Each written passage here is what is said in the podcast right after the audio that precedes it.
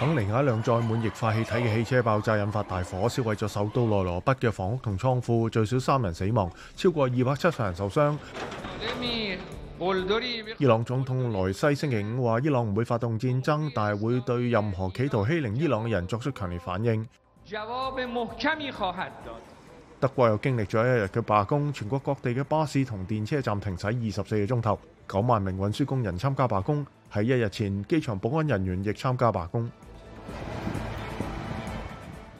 法国总理推出咗目的在于保护农民生计嘅新措施后，农民拆除咗通往巴黎公路上最后剩低嘅路障。瑞典气候活动人士通贝斯星期五喺伦敦威斯敏斯特地方法院出席第二日嘅聆讯。